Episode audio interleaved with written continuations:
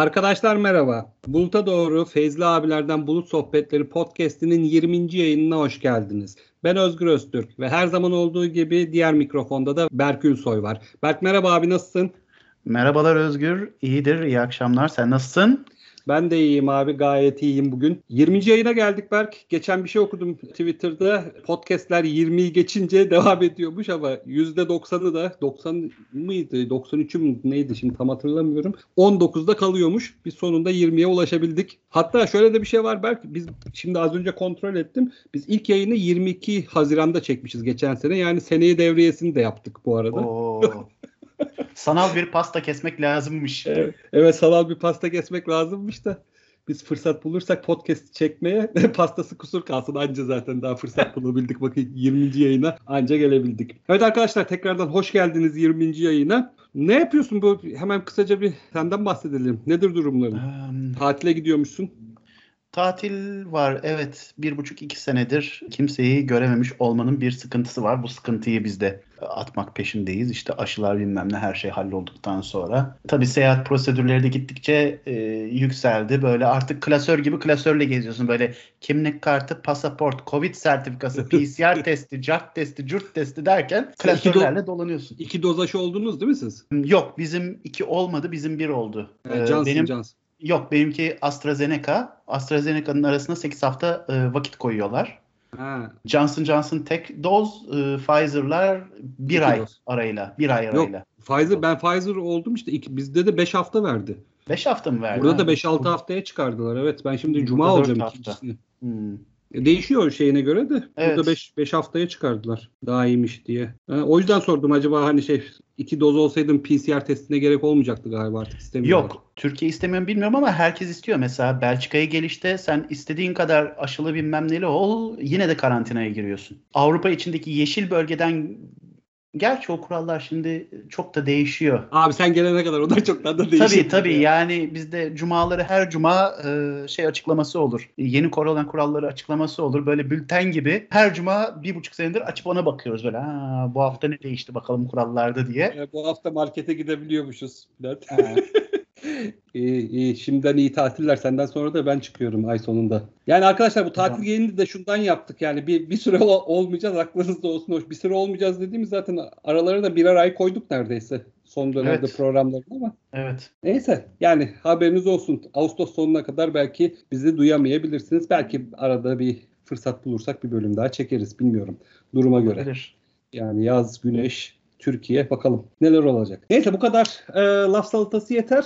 Hemen konumuza geçelim. Berk bugün ne konuşuyoruz? Hocam bu hafta GitOps üstüne biraz daha derinlemesine konuşabiliriz gibi geliyor. Daha önceki bölümlerde sanırım Emre'nin katıldığı bölümdü e, Infrastructure as Code'dan bahsettiğimiz bölümlerdeydi. Bu arada o, e, o eski bölümleri de eğer podcast'te şu anda başlayan arkadaşlar varsa o eski bölümlere bakmalarını da tavsiye ederim. Çok değerli konuklarımız oldu. Evet 20 ee, bölüm çektik arkadaşlar. Sadece bu evet, değil ya. Orada GitOps'a bir değinmiştik ama çok fazla da derinine girmemiştik. E, aradan da epey zaman geçti esasında. O dünyada epey değişiyor. Belki o konuya girebiliriz tekrardan.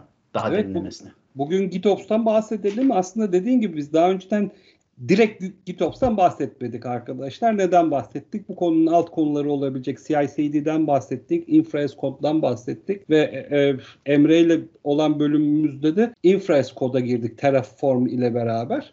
Fakat GitOps mevzusuna yani bu terimin ne olduğunu açıklama mevzusuna girmemiştik. Bugün onu yapacağız. O zaman hemen klasik sorumuzla başlayalım. Berk nedir GitOps? GitOps deyince aklına ne geliyor? Hocam GitOps esasında Şimdi öyle bir şey ki GitOps tool'ları çıkmadan önce de biz aşağı yukarı o şekilde çalışıyorduk. Buna buna geleceğiz. GitOps esasında bizim e, deployment konfigürasyonumuzu ve release konfigürasyonumuzu, deployment'ımızı, release'imizi pipeline'lardan, code build'dan, kodun kendisinden tamamen ayrı bir şekilde tutup push değil daha çok pull mekanizmaları üstünden yönettiğimiz bir yapı. Ee, biz kendi deployment'ımızı, release'imizi deklaratif olarak Git repository'si üstünde tanımlıyoruz Hı. ve bu e, konfigürasyonu anlayan tool'larımız var, araç gereçlerimiz var. Bu araç gereçler e, Git üstündeki versiyon olabilir, branch olabilir artık her neyse neyi ayarladıysak. Bundaki değişikliği fark ettikleri zaman production'daki veya deployment ortamındaki durum ile Git e, üstünde gösterilen durum arasındaki fark nedir ona bakıyorlar. Oradan şunu hesaplıyorlar. Benim şunu kurmam gerekiyor, bunu silmem gerekiyor. Şuradaki parametreyi şöyle değiştirmem gerekiyor. Bu farkı anlıyorlar ve bu farkları ortama yansıtıyorlar. Dolayısıyla bizim elimizde şu oluyor her zaman için. Git tarafı için diyoruz ki burası bizim gerçek hayatta olmasını istediğimiz durumu ifade ediyor diyoruz. Oradaki sakladığımız dosyalarda, konfigürasyonlarda, şeylerde. Burası bizim için desired state'tir diyoruz. Hı hı. Ve kullandığımız araç gereçler de desired state'te olmayan ortamları, bunlar production olabilir, test olabilir, acceptance herhangi bir şey olabilir. Bizim ayarlarımıza göre o ortamları desired state'e istediğimiz duruma doğru ilerletmeye çalışıyorlar. Evet. Ve bu yaklaşım klasik CI/CD pipeline yaklaşımından oldukça farklı bir yaklaşım. Ee, birçok açıdan üstünlükleri olan bir yaklaşım ama nispeten yeni bir yaklaşım denilebilir. Son birkaç senedir gittikçe adını daha fazla duymaya ve bu konu üzerinde uzmanlaşmış, e, spesifik olarak bu konuyu ele alan tool'ları görmeye başladık. Zaten CNCF'de de Cloud Native Deployment'larda da bu önemli paternlerden birisi. CNCF projelerin içerisinde de direkt olarak bu konu üstüne eğilen projeler var. Evet haklısın ama ben orada senden bir noktada ayrılıyorum. Ben GitOps'un tamam hani tool bazında yeni olduğuna katılıyorum. Evet yeni son iki senedir, üç senedir direkt hani bu alanda tool'lar oluşmaya başladı. Fakat bence biz bundan önce de GitOps'tan o kadar da uzak değildik. Şimdi ben GitOps'u da aynen DevOps gibi bir üst şemsiye olarak görüyorum. Onu hemen söyleyeyim. Yani GitOps bizim zaten yıllardır yapmaya çalıştığımız hani tam olarak başarı başarabiliyor olamayabiliriz vesaire. Fakat yıllardır yapmaya çalıştığımız şeyin bir nevi yeni isimlendirilmesi, üst seviye bir çatı konması gibi bir durum olarak algılıyorum ben GitOps'u. Neden? Şimdi şöyle söyleyeyim. GitOps dediğimiz zaman altında hani temelinde ne var abi? Bir şey diyoruz. Şimdi biz bugüne kadar bütün source kodumuzu yani uygulamayı geliştirme kodumuzu nerede tutuyorduk? Bir source kontrol altında tutuyorduk. Git'te tutuyorduk. Git'te tutmamızın ne avantajları vardı? İşte birden fazla insan bunun üzerinde çalışabiliyordu artı şey yapabiliyorduk işte branchlar yaratabiliyorduk ve bu branchleri merge ederek o merge'lere de şey koyabiliyorduk yani e, gate'ler koyabiliyorduk. Direkt kimse merge edemesin hani review'ler olsun diğer insanlar da baksın eğer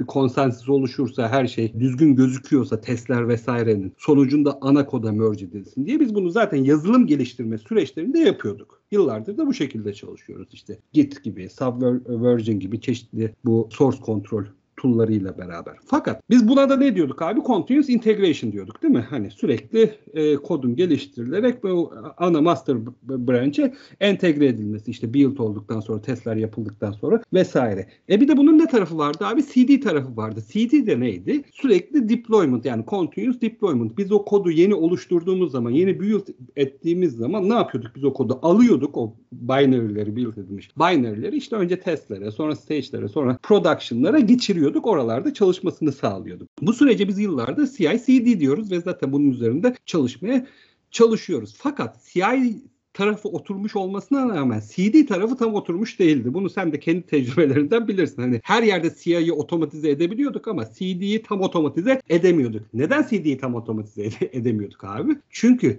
deployment yaptığımız ortam ona sürekli continuous deployment'ı otomatize şekilde yapabilecek bir altyapı sağlamıyordu. Fakat container'lar ve Kubernetes sayesinde biz o CD tarafını da otomatize edebilme imkanına kavuştuk. Bu imkana kavuştuğumuz zaman şöyle bir şey ortaya çıktı. E madem biz CD'yi de otomatize edebiliyoruz, e bu CD'yi otomatize edebileceğimiz o kodu yani o YAML dosyalarını, o infrastructure'ın olduğu halini yani senin az önce söylediğin o desired state var ya o zaman o kodun da oluşturulmasını ve depolanmasını gidelim git üzerinde halledelim kısmı geldi. Yani işi biraz daha yazılım tarafına kaydıralım. Biz infranın oluşmuş olduğu hali de git üzerinde tutalım. Buna da ne getirelim abi? Aynı şekilde hani source koda getirdiğimiz pardon uygulama build etme kısmına getirdiğimiz şekilde branchler oluşturalım. Bu branchlerin master'a merge edilmesi için çeşitli gate'ler koyalım. Bu gate'lere de aynı yazılım süreçlerinde yaptığımız gibi code review'ler ekleyelim, testler ekleyelim vesaire. Bu süreçlerin sonunda ana master'a merge edilen şeyler gitsin otomatik bazı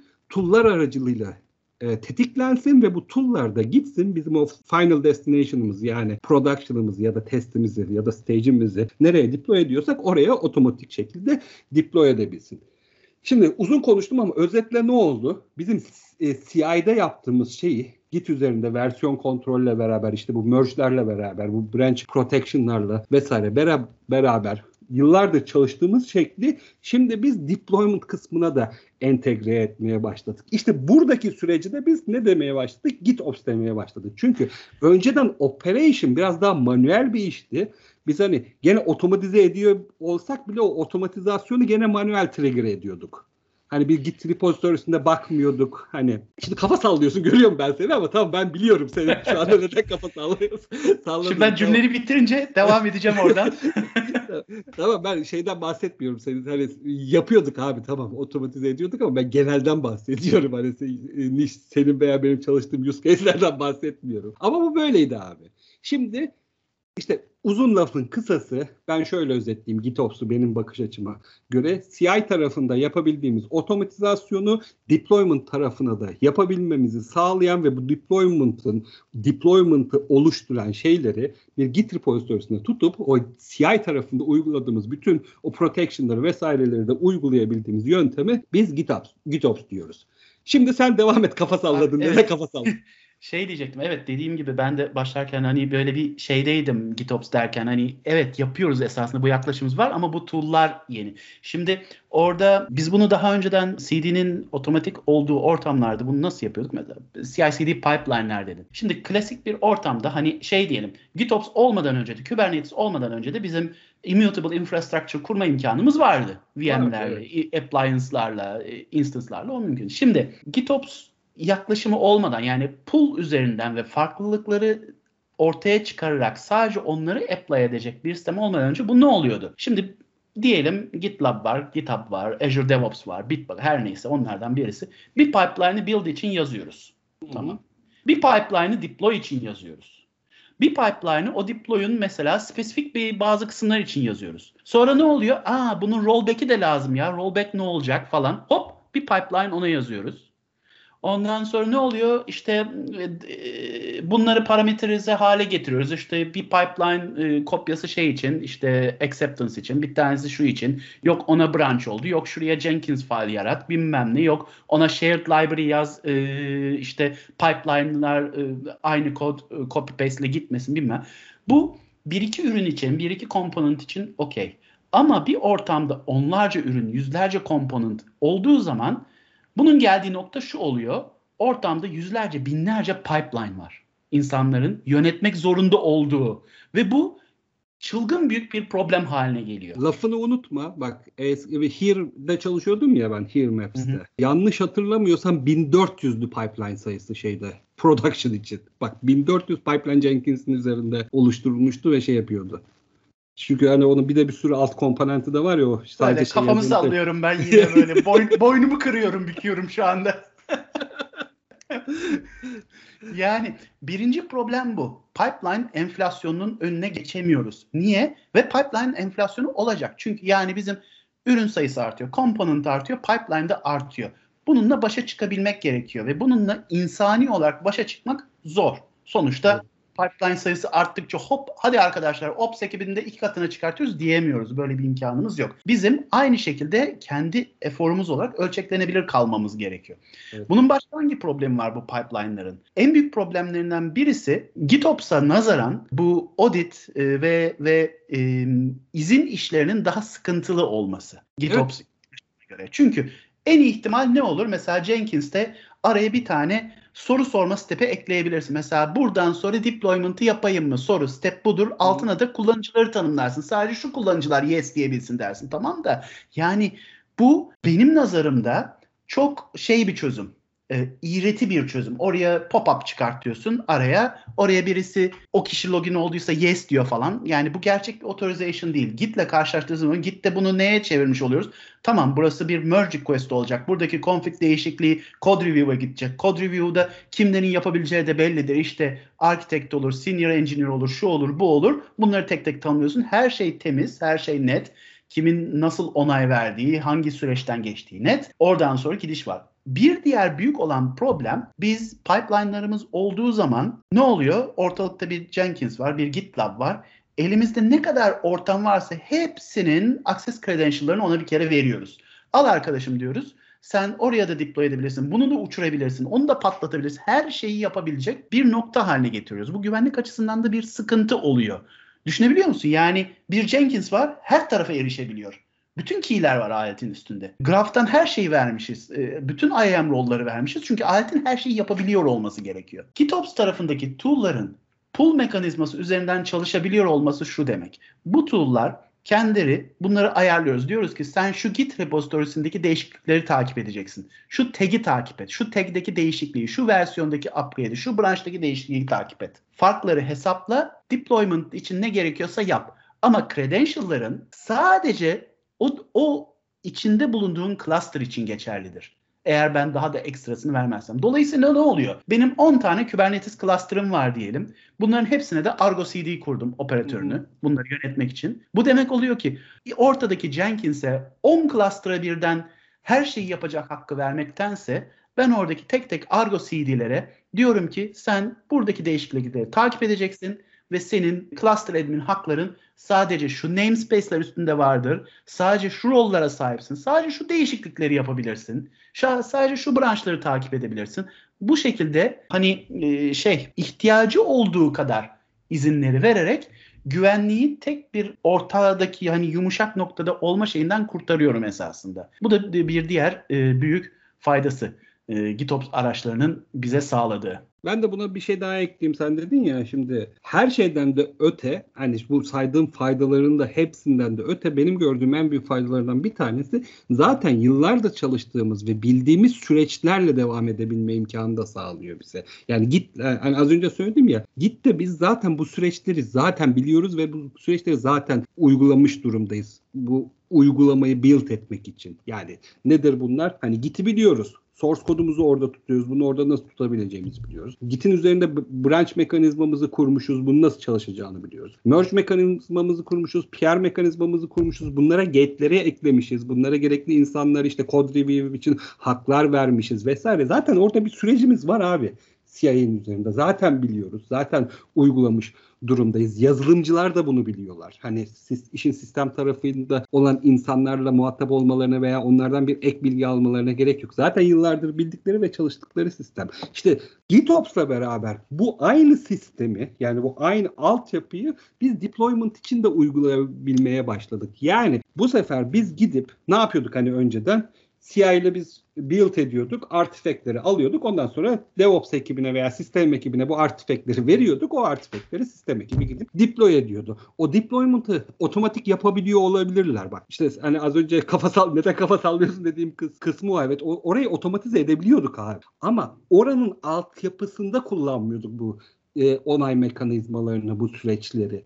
Yani bu işte merge request'leri, PR e, gate'lerini vesaire o şeyde kullanmıyorduk. Şimdi artık onları da orada kullanmaya başladık. Yani uzun lafın kısası Kubernetes'e gidip deploy etmiyoruz bir yerde hani şey yapıp kubectl'i kullanıp deploy etmek yerine ya da ne bileyim işte diğer araçları kullanıp deploy etmek yerine biz bütün bu YAML dosyalarımızı vesairelerimizi bir Git repositorisinde tutuyoruz. O Git repositorisinin üzerinde de bu işte araçlar işte Flux gibi, Argo gibi araçlarla bu repozitoriyi gözletiyoruz. Bu repozitoride de bir değişiklik olursa bu otomatikman bu değişikliği Kubernetes'e veya artık endpoint'imiz neresiyse istediğimiz yer neresiyse oraya otomatik deploy ettirebiliyoruz. Bu kısmı zaten otomatize edebiliyorduk sabahtan beri söylediğim Hı-hı. gibi ama biz şey kısmını otomatize e, otomatize demeyeyim de oradaki o gate'leri süreçleri farklı şekilde kurgulamamız gerekiyor da artık kurgulamamıza gerek yok. Evet Oraya bir şey ekleme kısmı git ile devam ediyor. Evet abi bir de şöyle bir güzel faydası var. Yazılım tarafındaki bazı kötü alışkanlıklarında önüne geçiyor. Bu kötü alışkanlıkların başında ne geliyor? Konfigürasyonla kodu beraber tutmak. Evet. Ve GitOps yaklaşımı bize şunu zorluyor. Hayır kardeşim senin kodun ayrı yerde duracak ama deployment konfigürasyonu da başka yerde duracak. İkisi bunların farklı repozitörler. Farklı amaçlara, farklı insanlara hitap ediyorlar. Ve bunu zorladığı zaman hakikaten temiz bir soyutlama elimize gelmiş olur. Çünkü ben konfigürasyonu ayırdığım zaman bunun yönetimine mesela security ekibini de dahil edebilirim. Security ekibine içinde binlerce dosya olan bir projenin içinde onlarca işte YAML'ını, ini dosyasını vermektense bak arkadaş burada düzgün yatmış mıyız siz ne diyorsunuz demektense hayır bak benim deployment'taki görüntüm böyle olacak sen ne diyorsun? Security evet. tarafındaki fikir. Yani bu birçok açıdan işleri çok daha düzene, çok daha temiz hale sokan bir yaklaşım esasında. Ve dediğin gibi hani burada kimler var önümüzde? Biraz da onlara girebiliriz. Ben Girelim abi. E, Argo CD ve Flux zaten iki tane. Flux Weaveworks'un zaten GitOps'u reklam eden Weaveworks oldu. Weaveworks'un kendi geliştirdiği tool da Flux. Hı hı. Ee, Argo CD her ikisi de open source proje, her ikisi de CNCF'in altındaki projeler esasında. Her ikisi de temel olarak aynı yaklaşımla çalışıyorlar. Bir Git repository'sini takip etmek, oradaki değişiklikleri e, cluster'a uygulamak. Fakat bunun yapış şekilleri farklı. Bir saniye ya Flux şeyin değil mi ya? Flux değil Flugger şeyin Weaveworks'un. Flux. Flux da mı Weaveworks'un? Flux Weaveworks'un. Bakayım. Baksana bir hemen. Benim bildiğim Flugger Weaveworks'un diye biliyorum. Ha yok yok doğru. Doğru. Flux şey, Weaveworks'un evet. Weaveworks'un. Evet. Doğru. Flugger'dan ee, zaten şeye geçti. Doğru. Yeah. Şimdi ikisinin ortak olduğu kısımlar altta sahip oldukları prensipler ama yapış şekilleri bayağı farklı. Ben burada benim Argo CD tarafına kullanmış olmaktan da gelen daha bir yakınlığım var ve Argo CD'nin güzelliklerinden de biraz bahsediyorum ama biri diğerini hani bu, bu bu diğerini döver diye bir durum söz konusu değil. Hani ben denemek isteyen arkadaşlara tavsiyem ikisini de kurup denemeleri. Ee, başlamak için zaten e, karmaşık e, tool'lar değiller. Çok hızlı bir şekilde kurulup konfigüre edilebiliyorlar. En azından ilk başta hani cluster admin'i ilk etapta verip geçebiliriz görmek için bir test ortamında. Sonra daha detaylı e, şeye girilebilir. Ama ikisinin arasında farklar mevcut. E bunun tool'lara da yani tool'lara girdiysek şeye de şeye de değineyim kısacası. İlla bu iki tool'u da kullanmalarına da gerek yok. GitHub Actions'la da mesela bu işi halledebilirler. Şey bir agent kurmalarına gerek yok. GitHub'ın üzerinde halletmeleri gerekir. Gene hani şey biliyorsun GitHub Actions'ta da veya aslında şeyde Azure DevOps'ta da yapabilirsin veya GitLab'la da yapabilirsin. Sadece yapman gereken şey o e, action kısmına yani deployment kısmına şey diyeceksin. Bu repository'e bak bu repository'deki değişiklikler olursa Hı-hı. git deploy et ama ne avantajı var işte Flux'ın veya Argo CD'nin işte Şimdi, rollback'ler var. Evet. Desired state konfigürasyonu Çok... yapabiliyorsun. Hani avantajları var. Avantajları Hı-hı. yok demiyorum ama başlangıç için illa bu araçların üzerinde de gitmemize gerek yok GitOps'un üzerinde. Daha böyle hani temel seviyede başlamak istiyorlarsa normal bir CD'den bahsediyoruz abi aslında. Hı-hı. CD sürecinden sadece bu CD'nin referans noktası git. O git'e de nasıl girileceği. Yani kim ne girebilecek o git'te kim merge edebilecek. Merge süreçlerimiz nasıl olacak aslında. Bütün dert bu GitOps'ta. Şimdi e, bu araçların şeylerinde evet dediğin gibi farklı farklı yöntemler mümkün. Argo CD'nin bir miktar öne çıkan e, kısmı şuradan geliyor. Birincisi en çok hoşumuza giden esasında. Diğeri gibi bu da deklaratif tabanlı YAML üzerinden tanımlıyoruz. Dolayısıyla bize CRD'ler getiriyor Kubernetes cluster üzerine. Application, project veya application template tanımlayabiliyoruz. Bu yapı nasıl oluyor? Bizim tepede bir project'imiz var. Bu project'in içerisinde şunu konfigür ediyoruz. Sen bir project'sin, sen şu Git repository'e bakabilirsin. Şu namespace'lere erişimin vardır. Bu temel Hı-hı. seviyede. Bunun altına application'ın tanımını yapıyoruz. Bu bir YAML dosyası. Bu YAML dosyasının içerisine application'ın işte adı nedir, senkronizasyon sırası nedir ve bu application'ın kendisini nerede bulursun? Kendisini nerede bulmak ne demek? Mesela hedef olarak bir Helm chart'ı gösterebiliyoruz Git repository'sindeki. Veya bir atıyorum e, düz bir YAML düz YAML'lar içeren bir repository gösterebiliyoruz. Artık nasıl farklı farklı şeyler. Onu, evet, nasıl onu gösterebiliyoruz ve buradan konfigüre edebiliyoruz. Ve bunun şöyle bir güçlü kısmı var. Application of Applications diye bir pattern var Argo CD'de mesela.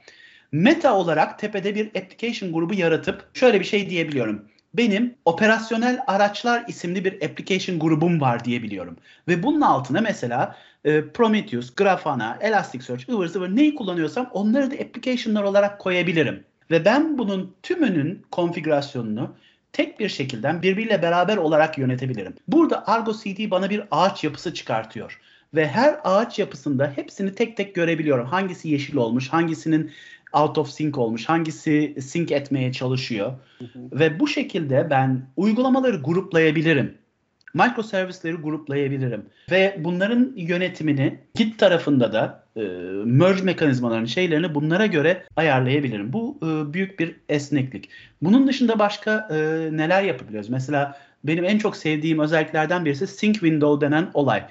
E, ne var? Bazı yerlerde biz günün her dakikası deployment yapabiliriz. Bazı yerlerde ise yapamayız. Bazı yerlerde maintenance window olması gerekir. Kesinlikle. Mesela Argo CD'de şöyle bir şey tanımlayabiliyorum. Sadece gece 3 ile 5 arasında sync işlemini yapacaksın. O zaman adam bekliyor, bekliyor, bekliyor. Zamanı geldiği zaman değişiklikleri uygulamaya başlıyor. Ya zaten ee, şey dedim ya GitHub Actions'tan falan fark yani daha gelişmiş dediğim şeyler bunlar aslında yani. Böyle evet. ekstralar sunması bize bu araçların. Evet bu şekilde birçok farklı entegrasyon olayı e, her şeyle entegre edebiliyorum. Hem notification tarafında hem trigger tarafında REST API var, ıvır var, zıvır var. O açıdan da çok esnek. Kullanıcıları farklı yerlerden alabiliyorum. Kendime plugin yazabiliyorum. Şimdi burada bir şey sorusu gelebilir. Peki ben bunu da a, e, GitOps olarak kurabiliyor muyum? Orası biraz yumurta tavuk ilişkisine dönüyor. Çünkü cluster'ı ayağa kaldırıyorum boş olarak. Hani bu e, temel paternlerden birisi. Mesela Terraform ile AKS cluster'ı bomboş olarak ayaklandırdık.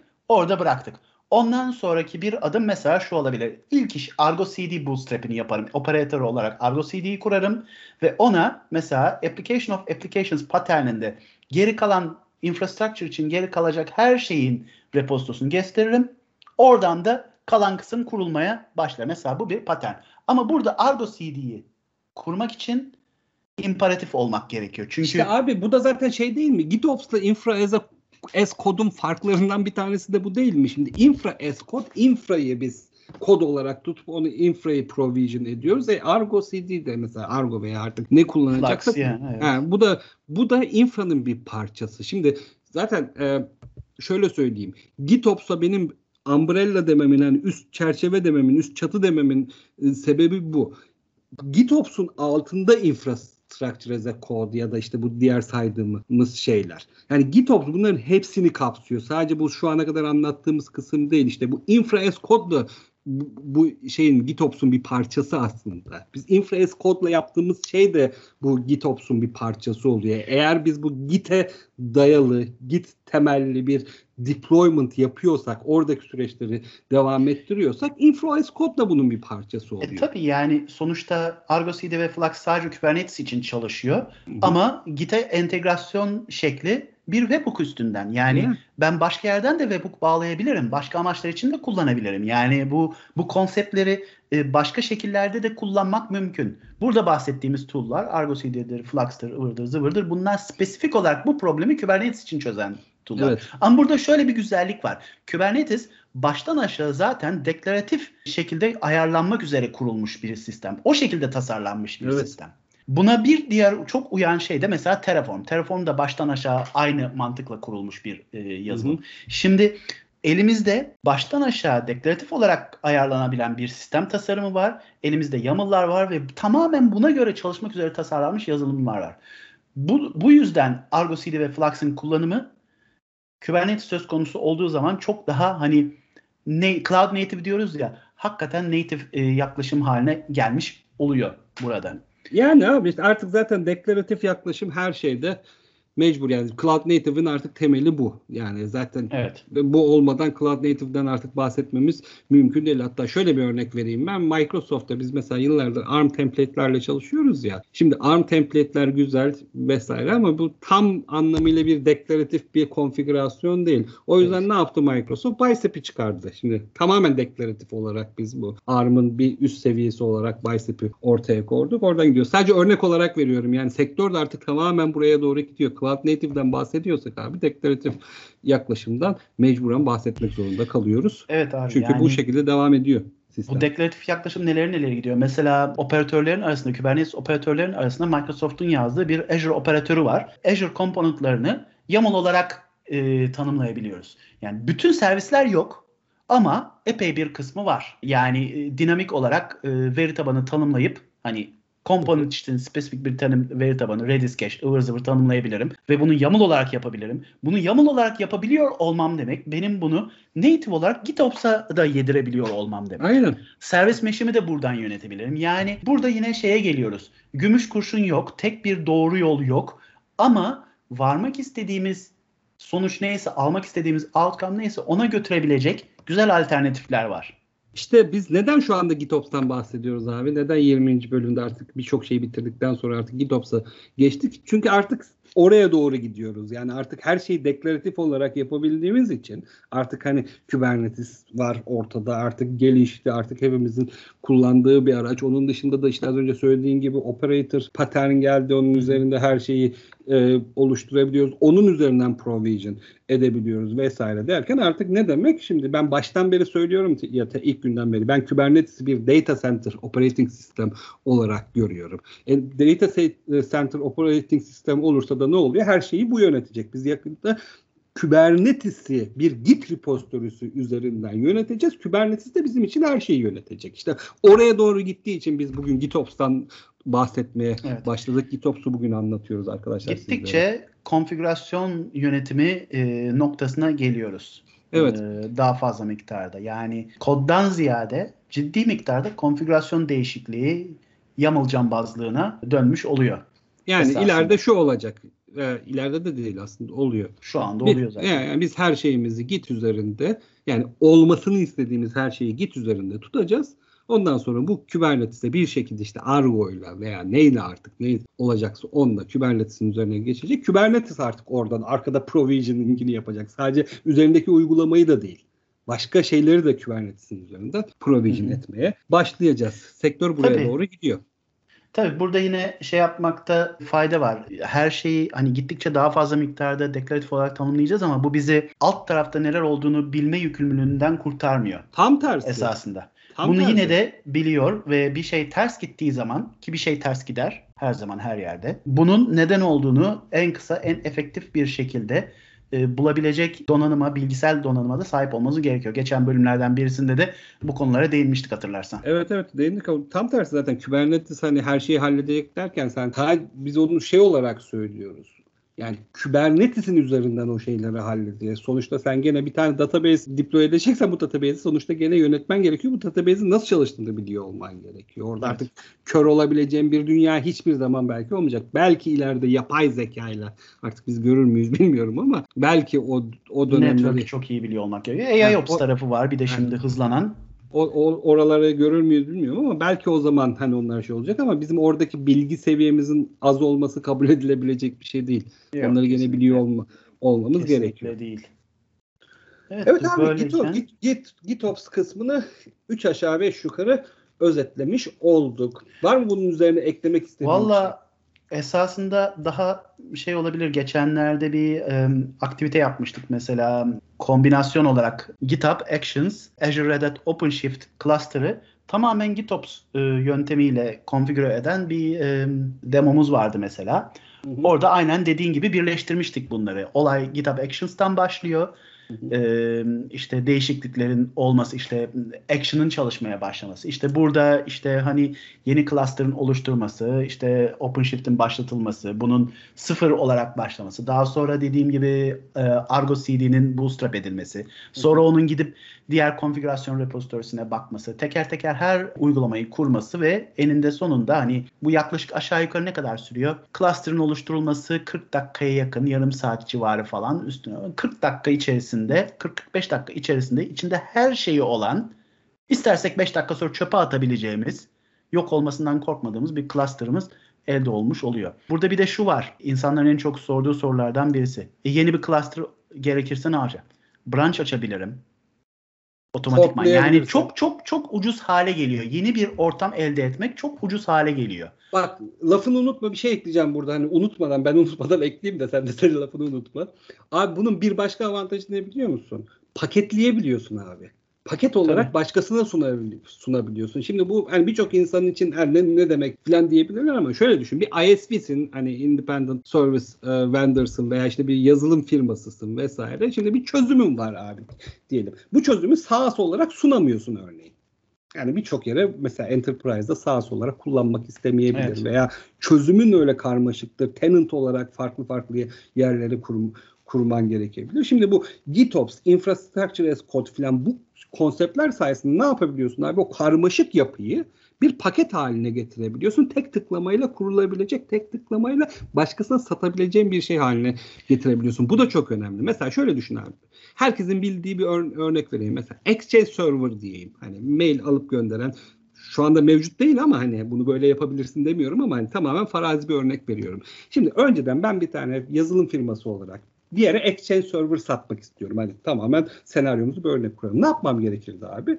Senin gibi 2-3 tane adamım olacaktı. Gönderecektim bunları yazılımları kuracaklardı. İşte VM'leri ayağa kaldıracaklardı. Onun üzerine bunları kuracaklardı. Onun üzerine ayar yapacaklardı vesaire değil mi? Hepsini şey yapacaklardı. Şimdi ne yapmam gerekiyor biliyor musun abi? Bir kere bunu kodunu yazıyorum. Yani o infrastructure kodunu veya artık neyse ne, ne şekilde deploy edeceksem.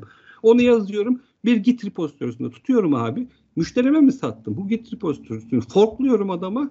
Ondan sonra iki üç tane şeyini değiştiriyorum işte ne derler ona kullanıcılı şifre diyelim hani veya secretlerini değiştiriyorum. Ona uygun bir ortam alıyorum. İki tıklamayla bu karmaşık sistem işte virtual machine'ler, üzerinde exchange server, üzerinde bilmem ne kurabiliyorum. İşte bu avantajı da sağlıyor bize bu tarz yaklaşımlar, bu tarz tool'lar. Sen mesela az önce çok güzel bunun örneğini verdin işte bu OpenShift diyor. Bunun şeyde vardı zaten mesela dediğin örnek e, SaaS olamayacak şey mesela telekom operatörleri telekom operatörleri mesela çok fazla bu şekilde yapısı vardır. İzole networklerde hiçbir şekilde e, zaten e, birçok iş alanı yani finans, telekom, sağlık, askeriye bunların zaten internete bağlı çalışması mümkün değil. Disconnected çalışması gerekiyor sürekli olarak. Mesela Nokia'daki e, geliştirilen Kubernetes cluster'ı esasında şöyle bir şeydi. Büyük bir blob var. Çok büyük Hı-hı. bir blob. Bunun içerisinde her şey var. Sen sadece bunu te- teslim ediyorsun. Bir de shell script gibi bir şeyi var. Hı hı. Ve bu hiçbir şeye bağlantı ihtiyacı duymadan, başka hiçbir şeye ihtiyaç olmadan on-prem ortamında sen sadece nodları veriyorsun. Hı hı. Şu nodlara yapacaksın diye. O bütün nodların bütün konfigürasyonunu kendiliğinden yapıyor. Tek bir script'ten başlayarak. Hı hı. Hakikaten hiçbir şekilde dışarıya bir bağlantın yok.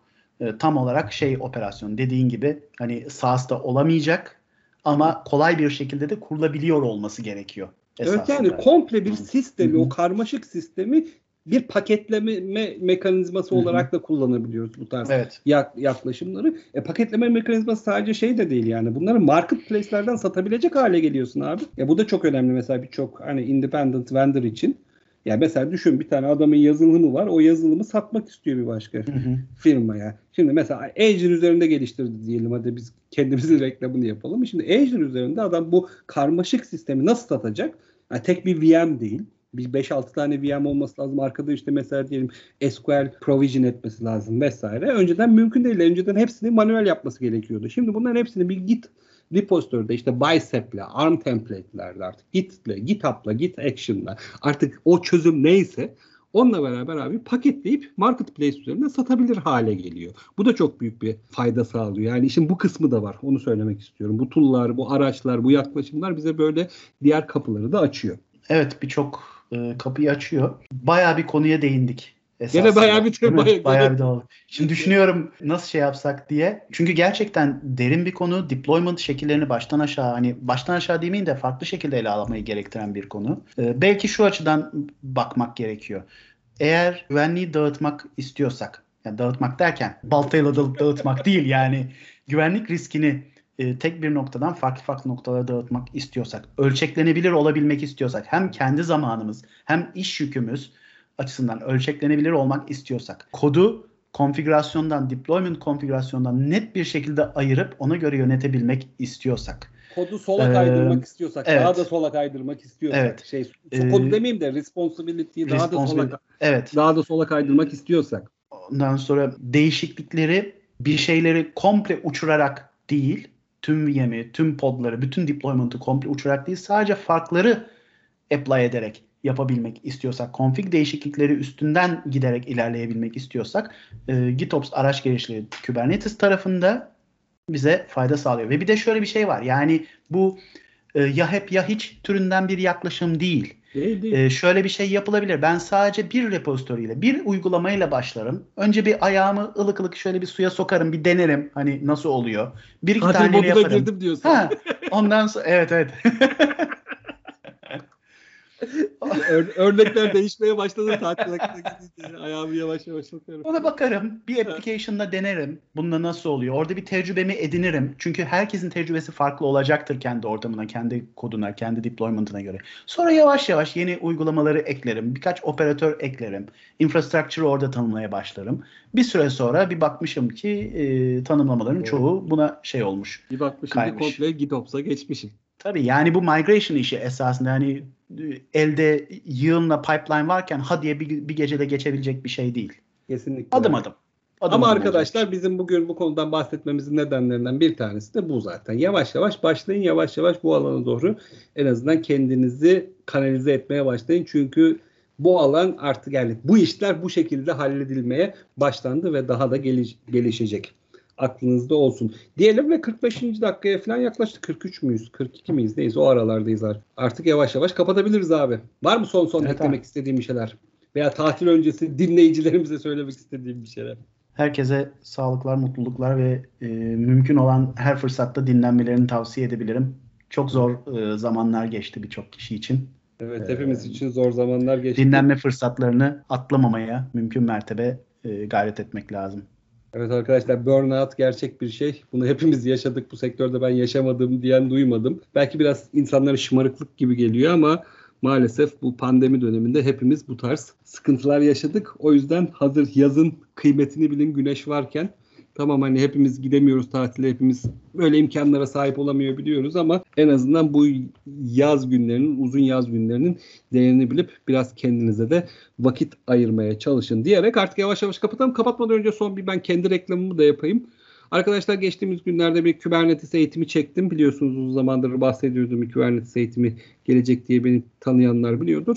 Kubernetes eğitimi sonunda bir senenin sonunda yayınlandı. Udemy platformundan Kubernetes eğitimine ulaşabilirsiniz diyerek araya ufak bir tane de kendi reklamımı sokarak artık yavaştan bitirelim. Çok teşekkürler arkadaşlar. Dediğim gibi 20. yayını da artık tamamlamış olduk. Ee, Eğer o tweet doğruysa bundan sonra da devam edeceğiz gibi görünüyor. Edeceğiz 21. yayında görüşmek üzere diliyor, diyorum o zaman. 21. yayında görüşmek üzere. Hoşçakalın. Hoşçakalın.